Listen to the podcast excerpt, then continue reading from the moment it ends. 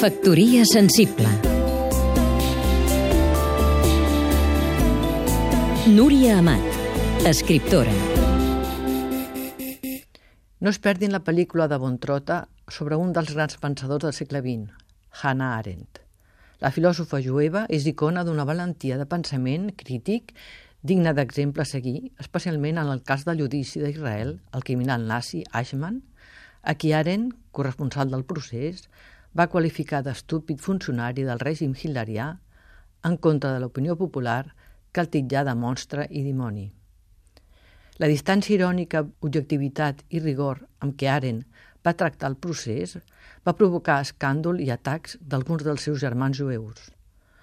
En política, deia, és molt perillós utilitzar les raons del cor per tal de callar fets desagradables i opinions diverses.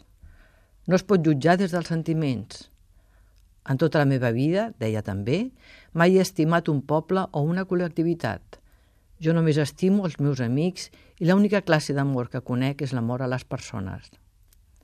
Rebutjada i declarada persona non grata, va haver de passar 40 anys abans que el seu llibre Eichmann o la banalitat del mal fos publicat en hebreu.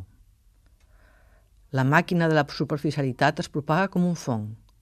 Pot arribar a ser assassina si no s'atura posant-se un en el lloc de l'altre – sentint vergonya per les pròpies injustícies, confiant en que els altres poden continuar amb la pròpia acció, fent voluntat de resistència i mantenint disposició a perdonar.